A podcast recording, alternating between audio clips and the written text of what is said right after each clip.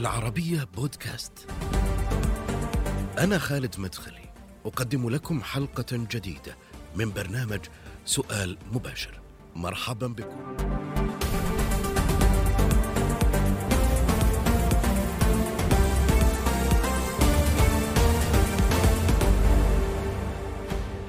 أسواق النفط حديث السياسيين والاقتصاديين ومعها يتحرك العالم ويتوقف كونها العنصر الرئيس في المال والاقتصاد وحتى على العلاقات بين الدول ارتفاع أسعار النفط ماذا يعني؟ لماذا ترتفع؟ أسئلة كثيرة أيضا تختلف إجابتها مع الزمان والمكان وكأن النفط هو الحالة التي لا يمكن أبدا التنبؤ بأوضاعها وأسعارها وإنما تتغير قيمتها بالأوضاع المحيطة. سؤال مباشر مع خبير الطاقة أنس الحجي. دكتور أنس حياك الله معي في سؤال مباشر على شاشة العربية. يا مرحبا أستاذ خالد. لا حديث يا دكتور يعلو فوق الحديث عن أسعار الطاقة والنفط تبعا للتطورات الحاصلة في في هذا المجال. خليني أبدأ معك من قرار مجموعة السبع الأخير التي اتفقت على فرض سقف لأسعار النفط الروسي. ووزراء مالية تلك الدول قالوا بأن ذلك سيساعد على خفض أسعار الطاقة عالميا. دكتور هل هو قرار قابل للتنفيذ اولا؟ لا يمكن على الإطلاق تنفيذ هذا القرار لأسباب عديدة ولا يمكن له أن يخفض أصلا أسعار الطاقة أو أسعار النفط.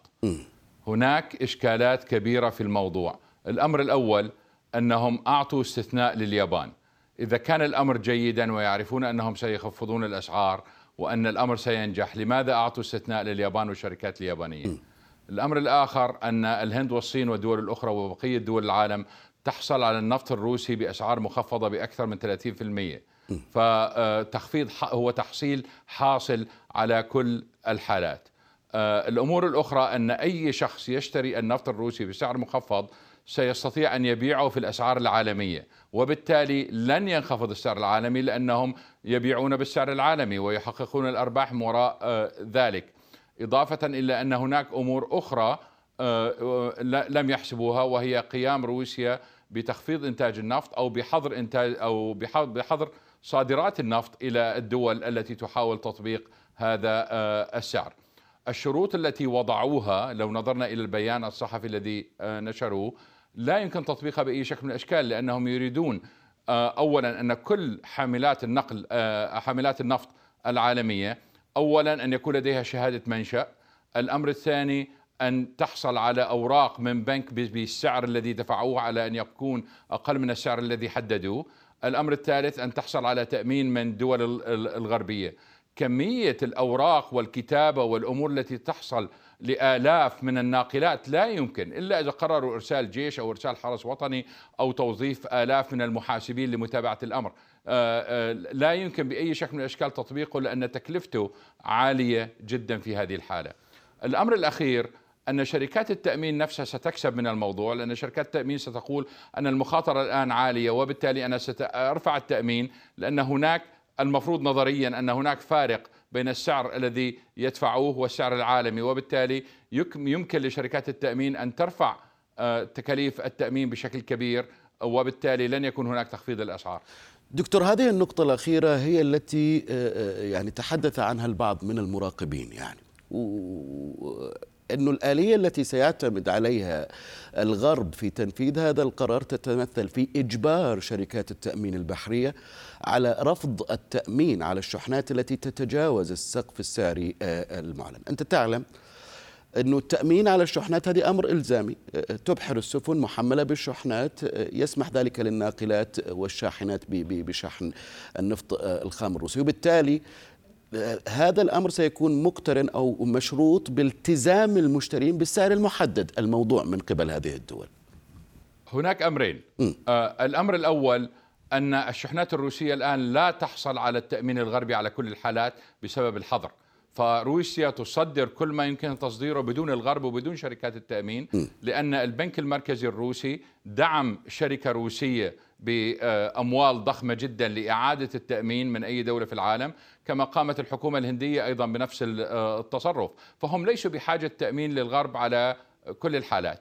الأمر الآخر أنه كل بكل بساطة ونحن نعرف يعني هذا الأمر ان يعني ممكن بكل بساطة لأنه شاهدناه حول العالم بكل بساطة أنا ممكن أحصل على آه، ورقة من البنك طبعا يجب على الاتحاد الأوروبي والولايات المتحدة أن تحدد البنوك التي يجب التعامل معها وهذا جهد إضافي وتكلفة إضافية ولكن يمكن الحصول على أوراق تبين أنني دفعت سعر معين أقل من السعر ولكن تحت الطاولة أنا دفعت لبنك آخر يتبع للحكومة الروسية وبالتالي أحصل على على هذا الموضوع. نقطة أيضا ثالثة على على الأمر وهي إنه إذا كان نفرض لنفرض أن السعر هو 60 دولار يمكن للصين ولا الهند ولا أي دولة أخرى للحصول على النفط لأن الوضع في أسواق النفط ليس هناك فائض كبير يمكن الحديث عنه وبالتالي يمكنهم رفع الأسعار فوق الحد الذي قرره الاتحاد الأوروبي وإدارة بايدن ويحصلوا على النفط الروسي وبالتالي فإن السعر المحدد آه، لا فائدة منه. لكن كيف ممكن لهذه الدول الكبرى أن تقر امرا آه، صعب أو مستحيل التنفيذ دكتور أنس؟ نحن من بداية يعني أنت لو نظرت إلى العقوبات من البداية حتى الآن يعني خلينا نكون صريحين كلها آه، عقوبات شكلية. لنبدأ من البداية منذ أن قام بوتين ب آه، آه، غزو أوكرانيا وجدنا رئيس وزراء آه، كندا يعلن وقف واردات النفط الخام الروسي ولكن كندا لا تستورد النفط الخام الروسي. أعلنت شركة شل أنها لن تشتري النفط الروسي ولكن لو نظرنا إلى الإعلان الصحفي بتفاصيله لوجدنا أنها عنت أنها لن تشتري النفط الروسي بالأسواق الفورية ولكن العقود مستمرة حتى الآن. طب ليش وافقت هذه الدول دكتور؟ آه، العقوبات المعلنة. على المضي في هذا القرار إذا كانت ستكون هي المتضرر الأكبر من من من هذا الأمر في أزمة قد تحدث يعني خلال الشتاء القادم. تماما. ولكن نحن أيضا وجدنا أمس الوزير الفرنسي مثلا يعلن أن هذا الأمر صعب جدا. واضح إنه كان هناك ضغوط أمريكية شديدة على مجموعة السبع لهذا الموضوع. والمثير في الأمر ما يلي؟ أن اجتماعات مجموعة السبع دائما في كل بياناتهم دائما كانوا يركزوا على التغير المناخي دائما في عبارة عن التغير المناخي. الآن اجتمعوا لم يذكر التغير المناخي في أي مكان. الغريب في الأمر أن تخفيض اسعار النفط يعني زيادة الطلب على النفط وبالتالي حرق المزيد من النفط ومن ثم زيادة الانبعاثات وهذا عكس سياسات التغير المناخي التي يتكلمون بها. فهناك مشاكل كثيرة في الموضوع. بالتالي أنت ترى بانه إذا كان هناك من تعويض لهذه الدول فهو اتجاهها إلى مصادر الطاقة التقليدية. هذه النقطة يمكن نناقشها أيضا في في أثناء هذا الحوار دكتور. مثلا فاينانشال تايمز قالت آه، هذا الأمر آه، آه، لن يكون مجديا إلا عندما تشارك الدول الكبرى المستوردة للنفط. يتحدث عن الصين والهند. هل من الممكن للصين والهند أن تدخل أو تستجيب لهكذا قرار؟ لو نظرنا إلى ما حصل مع الهند. الهند حصل دخلت في اجتماع مجموعة السبع كضيف من حوالي ثلاثة شهور ووافق مودي على موضوع التسعير. ماذا حصل؟ خلال يومين وجدنا آه، ضربة سبرانية لأكبر شركة نفط في آه، الهند ثم وجدنا مشاكل بين روسيا والهند. آه، بعدها قررت روسيا تحويل كل أو عدم أو رفضت التعامل بالروبية الهندية وطالبت بالتعامل عبر البنوك الأماراتية بالدرهم الأماراتي. فردة فعل روسيا كانت قوية وأجبرت الهند على التراجع عن مواقفها. فلا أعتقد أن الهند والصين سيستطيعون الموافقة على موضوع التسعير خاصة أنهم يحصلوا يعني هم يح... الآن يحصلون على النفط الروسي ب 70 دولار على كل الحالات.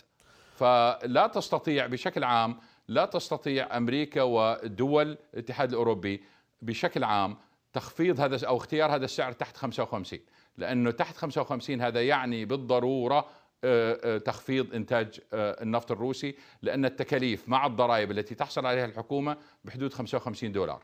فالأمر الأخير أيضا في هذا الموضوع هو أنهم لا يريدون فعلا وضع آه، بوتين في الزاوية لأنه إذا وضعوه في الزاوية وأوقف ضخ الغاز بالكامل وأوقف ضخ النفط الكامل فكما ذكرت منذ قليل هم آه، آه، الخاسرون في هذه الحالة. دكتور في البيان لمجموعة السبع أعتقد في المادة 11 من البيان وصحح لي يعني إن كان الأمر غير ذلك كانت هناك إشارة أو طلب من قبل المجموعة لأوبيك بلس بأن ترفع الإنتاج. أولا هل يمكن لأوبيك بلس أن تمضي بالرفع بالإنتاج؟ وخاصة إنه كانت تصريحات الأمير عبد العزيز بن سلمان وزير الطاقة السعودي مؤخرا كانت قد تحدثت عن نية للقيام بعكس هذا الأمر تماما بخفض الإنتاج وهو المتوقع ربما. نعم. آه، بشكل عام لو نظرنا إلى البيان آه، وتفاصيل البيان الدعوة في رقم كلامك صحيح هو رقم 11 في الصفحة الثالثة. عندما دعت أوبك إلى زيادة الإنتاج هذا من الأمر المضحك لأن روسيا هي جزء من أوبك, أوبك بلس, بلس. كما تعلمون والتعاون بينهم آه، كبير. ولكن اللجوء إلى أوبك آه، هذا يعني أن مجموعة السبعة ليس لديها القوة الكافية للتطبيق. آه، الأمر الآخر المرتبط في موضوع أوبك هنا أن اللجوء إلى أوبك وسؤالهم قد يكون هو آه، نوع إما من آه، فكرة عدم تجاهل أوبك من جهة أو في محاولة لتغطية الفشل في آه، المستقبل ولوم أوبك على ذلك، لذلك نرى كلام وزير الطاقه السعودي في هذه الحالة إنه الأمر بشكل عام خارج عن عن يدنا من ناحية إنه إذا كان هناك أزمة ليس لنا علاقة بها لأن نحن زدنا الإنتاج من جهة ولكن في حالة أن هناك انخفاض في آه، آه، أو عدم توازن في الأسواق فإننا سنتدخل لإعادة التوازن للسوق على على الحالتين.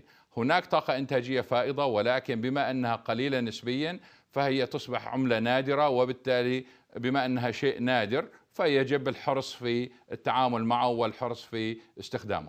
دكتور هل يمكن توقع ضغوط لإقرار أو اتخاذ قرار زيادة الإنتاج؟ نتحدث عن مجموعات السبع على أوبك بلس نحن شفنا هذه آه، يعني رأينا هذه الضغوط مسبقا وهذه الضغوط فشلت نسبيا آه، رأينا الضغوط من آه، أغسطس 2021 من العام الماضي ولكن لم يتم الاستجابة هناك.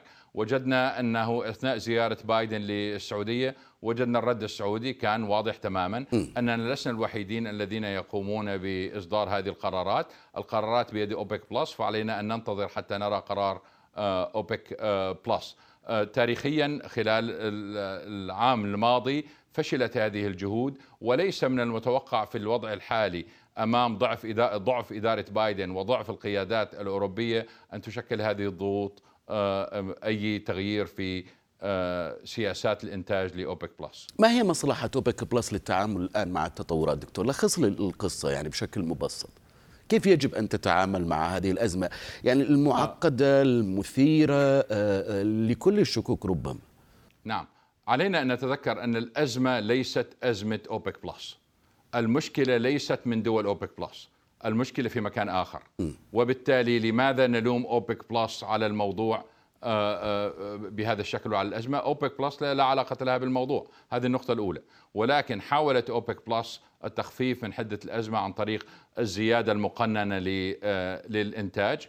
وقامت بذلك ونجحت بذلك بشكل كبير حققت نوع من الاستقرار في الأسواق ولكن جاءت الأزمة الأوكرانية فزادت الطين بلة ولكن ما زاد الطين بلة أكبر هو التخبط آه، الأمريكي الأوروبي في سياسات العقوبات على آه، على روسيا. يعني إذا كانت هي دول عظمى فعلا الآن لماذا تبحث عن الحزمة السابعة؟ رقم سبعة. في العقوبات. م. هذا يعني أن العقوبات السد أو الحزم الستة الماضية خلال السبع شهور الأخيرة كلها فشلت. آه، فلماذا يبحثون عنها وعن أشياء أخرى؟ هذا يدل على أن المشكلة مشكلتهم. لو نظرنا الآن إلى فرنسا مشكلة فرنسا أن المفاعلات النووية صار فيها مشاكل ما اشتغلت. م. لو نظرنا إلى آه، ألمانيا نجد أنهم تخلصوا بسرعة من الفحم وتخلصوا بسرعة من الطاقة النووية ففشلت سياساتهم. لو نظرنا إلى آه، الدول الأخرى نجد نفس الشيء. أضف إلى ذلك موضوع الجفاف الذي آه، ضرب كافة أنحاء العالم وعانت منه أوروبا والصين والدول الأخرى. أيضا روسيا كان لها إجراء انتقامي آخر فيما يتعلق بإمدادات الغاز إلى إلى آه، أوروبا، هذه الدول تعتمد آه، بشكل شبه كلي على إمدادات الغاز آه، الروسي يعني في حياتها اليومية في مصانعها. بالتالي روسيا من خلال غاز بروم علقت إيرادات أو توريد الغاز إلى هذه الدول إلى أجل غير مسمى. أوروبا إلى أي مدى قادرة بالفعل على على تجاوز الشتاء القادم بكل ما يمكن أن يحمله يعني بعد هذا القرار الروسي دكتور. نعم. بسبب آه، اولا الدعم الأمريكي الضخم آه، في توجيه الغاز المسال والنفط إلى أوروبا لأنه حتى أمريكا كما تعلم سمحت لفنزويلا وإيران رغم العقوبات بتوريد النفط إلى أوروبا. وقامت بتوريد الغاز الأمريكي إلى أوروبا على حساب المواطن الأمريكي لأن الأسعار في أمريكا تضاعفت ثلاث مرات بسبب توريد الغاز المسال إلى آه، أوروبا. وأوضح بايدن بكل بساطة أن آه، أنه لا مشكلة في ارتفاع الأسعار داخل أمريكا طالما أن بوتين لن يحقق أهدافه في آه، قسم الاتحاد الأوروبي. كل ثم قامت ألمانيا ودول أخرى بإجراءين، الإجراء الأول هو الرجوع إلى الفحم بشكل كبير. وتأخير طبعا إغلاق المفاعلات النووية. آه، وسنرى ماذا إذا كانت ألمانيا ستقوم بذلك أم لا ولكن رأينا هذا في الدول الأخرى. آه، الأمر الآخر هو حالة التقشف. حالة التقشف فعلا شيء لم نراه منذ الحرب العالمية الثانية. شيء شديد جدا. الوضع الذي يعيشه كثير من المواطنين الأوروبيين صعب جدا. فواتير الكهرباء عالية جدا. فواتير الغاز عالية جدا. آه، وهناك تقشف شديد بين التقشف واستخدام الفحم وبناء مخزون كبير من الغاز كل ما حصل أنه أوروبا منعت حدوث كارثة ولكنها ستبقى في أزمة. فهي تحولت من آه، آه، يعني بعبارة أخرى أنه هي مثلا تحولت من إذا استخدمنا تعبير كان يستخدم في أفريقيا أنه تحولت من مرحلة المجاعة إلى إلى مرحلة الفقر. دكتور التحول إلى مصادر الطاقة البديلة المتعلقة بالطاقة النووية المتعلقة بالفحم آه، يعني وعدم الإشارة كما قلت هذه نقطة كذلك مهمة أيضا في في بيان مجموعة السبع إلى مسألة التغير المناخي في هذا الظرف اللي تعاني فيه أوروبا من حالة جفاف. برزت يعني كثير من مظاهرها في في في جفاف الأنهار في في أزمات أخرى أيضا مثل حرائق الغابات وغيرها. ما مدى الخطورة على دول أوروبا من من اتخاذ هكذا قرار في هذا التوقيت مع هذه التغيرات المناخية الصعبه لا علينا أن أن أن نركز على فكرة أن اتخاذ القرار شيء وتطبيقه شيء آخر. م. يعني حتى الآن لو هم بده يجيبوا مجموعة خبراء لتطبيق الفكرة سيستغرقوا عدة شهور. والفكرة الآن أن بايدن عنده انتخابات آه، آه، للكونغرس ومجلس الشيوخ بعد شهرين. فهم بحاجة إلى قرارات من هذا النوع وقد نسمع المزيد من القرارات. ولكن قد لا نرى تطبيق في أرض الواقع لأن تطبيق هذه الأمور آه، صعب جدا. يعني حتى كما ذكرت موضوع اختيار البنوك وما هي الإثباتات التي يجب أن يوفرها الناس. بعبارة أخرى هو قد ما يعني الذي قد نراه في النهاية أنه إذا أسرعوا في القرار بدون تطبيق قد نرى أن هناك تشريع لكل من يشتري النفط الروسي بخصم. بعبارة أخرى أن شراء الهند أو الصين للنفط الروسي ب 70 دولار أصبح الآن شرعيا تحت الوضع الجديد. دكتور العلاقة بين روسيا ومجموعة أوبك بلس يعني من المؤكد أنك قرأت وسمعت آه، عن الكثير من المراقبين والمحللين والخبراء أيضا آه، بأن ما يحدث اليوم من سياسات هذه الدول في التعامل مع هذا التكتل هي آه، ربما تهدف إلى وضع شرخ في في تماسك هذه المجموعة أو العمل على أن تخرج روسيا من هذه المجموعة بشكل أو بآخر. هذه الظروف التي تحصل في العالم اليوم إلى أين يمكن أن تؤدي بهذا التكتل الأوروبي؟ إذا استمرت العقوبات على روسيا إذا تم بالفعل تنفيذ هذا القرار المتعلق بوضع سقف أعلى للنفط الروسي مسألة الغاز الروسي وغير ذلك. ما هو مستقبل أوبك بلس وروسيا أيضا؟ بشكل عام لو نظرنا إلى ما حصل من فبراير 24 حتى الآن منذ أن غزت روسيا أوكرانيا نجد أن هناك تناغم بين دول أوبك بلس. والعلاقة واضحة تماما الآن خاصة مع تحول النفط الروسي إلى الشرق وتحول نفط الخليج والدول الأخرى إلى آه، الغرب. فهناك آه، تناغم بينهم. ولكن هذا التحالف مهم جدا لأنه اجتاز عقبات مهمة جدا خاصة في عام 2021 عندما قررت الدول الكبرى صاحبة الطاقة الإنتاجية الفائضة آه، عدم الأخذ من حصة الدول التي لا تستطيع زيادة الإنتاج، هذا تطور ضخم، أوبك فشلت على مدى 40 سنة آه، بسبب هذه المشكلة والآن هذه المشكلة حلت تماما. الأمر الآخر آه، في نظري أن موضوع تحالف أوبك ليس فقط على موضوع النفط والإنتاج. أه. علينا أن نتذكر عندما كان تصويت في مجلس الأمن على موضوع اليمن، روسيا صوتت واستخدمت حق الفيتو لصالح السعودية.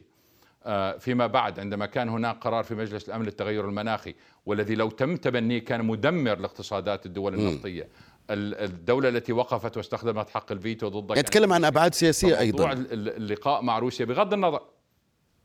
بالضبط. فهو بغض النظر عما حصل في سوريا وأماكن أخرى.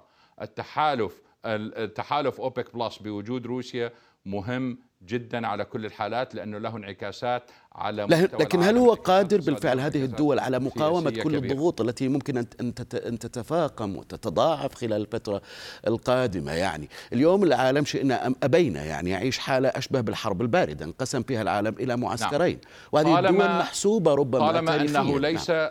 على معسكر ضد الآخر نعم طالما انه طالما أنه ليس هناك فائض في أسواق النفط لا مشكلة على الإطلاق. يمكن لهذا التحالف أن يستمر لسنوات طويلة. المشكلة تبدأ إذا كان هناك فائض و وكان هناك نوع من الخيانة من بعض الأطراف. ولكن خيانة من بعض الأطراف؟ مع روسيا وروسيا وعدت. كيف خيانة نعم. من بعض الأطراف؟ المقصود هو أنه أن أن أن أن أن يقوم البعض بوعد بتخفيض الإنتاج ثم لا يقوموا بتخفيض الإنتاج. فيحصل تنافس وهذا يرجع يرجعنا إلى أيام أوبك الماضية عندما كان يحصل تنافس وفي آه، دول تبيع بكميات كبيرة وبالتالي تنخفض الأسعار وينهار التحالف. ولكن روسيا وعد هل هو احتمال وارد اليوم دكتور؟ وجود كساد اقتصادي. صعب جدا لأن الآن روسيا في وضع آه، تحاول فيه تخفيض الإنتاج مع حفظ ماء الوجه. وأي تخفيض من أوبك يساعد آه، روسيا في هذا المجال. وروسيا واضح تماما إنها مستعدة لتخفيض الإنتاج لأن سيكون مع مع الزمن سيكون هناك مشاكل تتعلق بالتمويل، سيكون هناك مشاكل تتعلق بالاستثمار، سيكون هناك مشاكل تتعلق بقطع الغيار آه، فالإنتاج الروسي سينخفض تدريجيا ولذلك روسيا من مصلحتها إنه إذا كان في حاجة لتخفيض الإنتاج أن تخفض الإنتاج تحت شعار السوق وليس تحت شعار إنها تعاني من العقوبات. ماذا لو فرضت هذه الدول الدول الغربية يعني عقوبات على مجموعة أوبك بلس. تعلم بأنه كان هناك قانون أيضا آه، في في في الكونغرس الأمريكي ضد نعم. دول آه، اوبك آه، ولم ينفذ حتى الآن. يقال إنه فقط متبقي عليه توقيع من قبل الرئيس الأمريكي لكي يكون فاعلا أو منفذا على الأرض. أو إنه يحددوا سقف. نعم. هو للأسعار مثل ما حددوا سقف أو عملوا على تحديد سقف للنفط الروسي. هل ذلك وارد؟ سريعا. طبعا كما ذكرت إنه لا يمكن بأي شكل من إيه. الأشكال تحديد سعر على مستوى العالم بسبب الأسباب التي ذكرتها. ولكن بالنسبة للقانون لقانون محاسبة أوبك آه، طبعا مر مرتين ولم يوافق عليه أو أو تجاهله بوش وتجاهله أوباما آه، والآن يبدو أن بايدن بعد زيارته للسعودية تجاهل الموضوع تماما. آه، والسناتور اللي متبني الموضوع الآن هذا قرر إنه يتقاعد لأنه هو عمره الآن بحدود 85 سنة. فقرر انه يتقاعد فهذا كان السناتور سيمشي. فاحتمال إنه هذا الموضوع يتوقف ولكن سنرى ماذا سيحدث. ولكن حتى لو تم تبني هذا القانون لا يمكن آه، تطبيقه لعدة إشكالات. آه، في هناك إشكالات قانونية وإشكالات اقتصادية. عندنا كما تذكر قانون جاستا. قانون جاستا صحيح. اللي هو ضد السعودية مر وهو موجود الآن كقانون ولكن هو قانون بدون أسنان ولذلك لا يطبق في المحاكم. وغالبا ما سيكون قانون أوبك أو لا أوبك هو قانون بدون أسنان تماما مثل قانون جاستا هناك قانون موجود الآن في أمريكا ضد السعودية ولا يطبق لأنه الطريقة اللي تم فيها تمريره يبدو بشكل مقصود أو بسبب اللوبيات أو غيرها تم تطبيقه بدون أو تم يعني القبول فيه بدون أسنان وبالتالي لا يمكن لأي محكمة أن تأخذه وتطبقه. دكتور عودة إيران بعد الاتفاق النووي ربما إذا تم توقيعه يعني. مؤشرات متضاربة حتى الآن في مسألة التوقيع ترتفع يعني آه، يرتفع المعيار أو أسهم التوقيع ثم بعد ذلك تنخفض. آه، فبالتالي إذا ما عادت إيران إلى هذه الأسواق التأثير كيف سيكون؟ الأسعار إلى أين يمكن أن تصل؟ نعم. أولا قبل أن نتكلم عن الأسعار آه، أود أن أشرح للمشاهد أمر مهم. أن إدارة بايدن لا تستطيع تجديد العقوبات على إيران الآن لحتى تبقي إيران على الطاولة. آه وبالتالي إيران تصدر كل ما تستطيع تصديره على كل الحالات. فما هو الحافز لإيران أن تحصل على على ما آه أو أن توقع؟ ليس لها حافز أن تحصل على كل شيء. آه الأمر الآخر هو دخول روسيا على الخط. روسيا الآن وجدت أن العقوبات المطبقة على روسيا تنطبق على التعامل الروسي مع إيران وبذلك وبذلك روسيا تعرقل آه، هذا المشروع لأنها تريد أن تحقق في إيران ما تريد تحقيقه. آه، بالنسبة للأسعار بشكل عام ليس هناك كميات إضافية في المدى القصير يمكن أن تضيفها إيران. هناك مخزون عائم ولكن هذا المخزون العائم هو آه، مخزون أغلبه من من المكثفات وليس نفطا. هو موجود لأنه لا سوق له فهناك إشكالية. أود أن أذكر هنا أيضا نقطة مهمة أنه في الأخبار من حوالي أسبوع انتشر خبر أن إيران لديها مخزون عائم يبلغ 93 آه، مليون برميل. آه. آه، أعتقد أن هذا الخبر كان موجه من البيت الأبيض لأنه غير صحيح. هذا يشمل كل النفط الإيراني الموجود في كل العالم بغض النظر عن من يملكه لأن الصين نفسها والشركات الصينية تملك بحدود 40 مليون برميل في المخازن الصينية وبالتالي هو مخزون صيني ولكن حسبوه على أساس أنه إيراني في محاولة لتخفيض أسعار النفط الموجود في إيران الآن بحدود 45 مليون آه، برميل أغلب هذه البراميل مكثفات ووجودها آه، له علاقة بإنتاج الغاز في إيران وليس بوضع السوق العالمي. شكرا جزيلا لك دكتور أنس الحجي خبير الطاقة كنت معي في آه، يا مرحبا. هذه الحلقة من سؤال مباشر. نهاية هذه الحلقة من سؤال مباشر دائما يمكنكم متابعتنا على مواقع التواصل الاجتماعي تويتر فيسبوك يوتيوب ومشاهدة هذه الحلقة والاستماع إليها أيضا على شاهد وعلى العربية بودكاست. إلى اللقاء.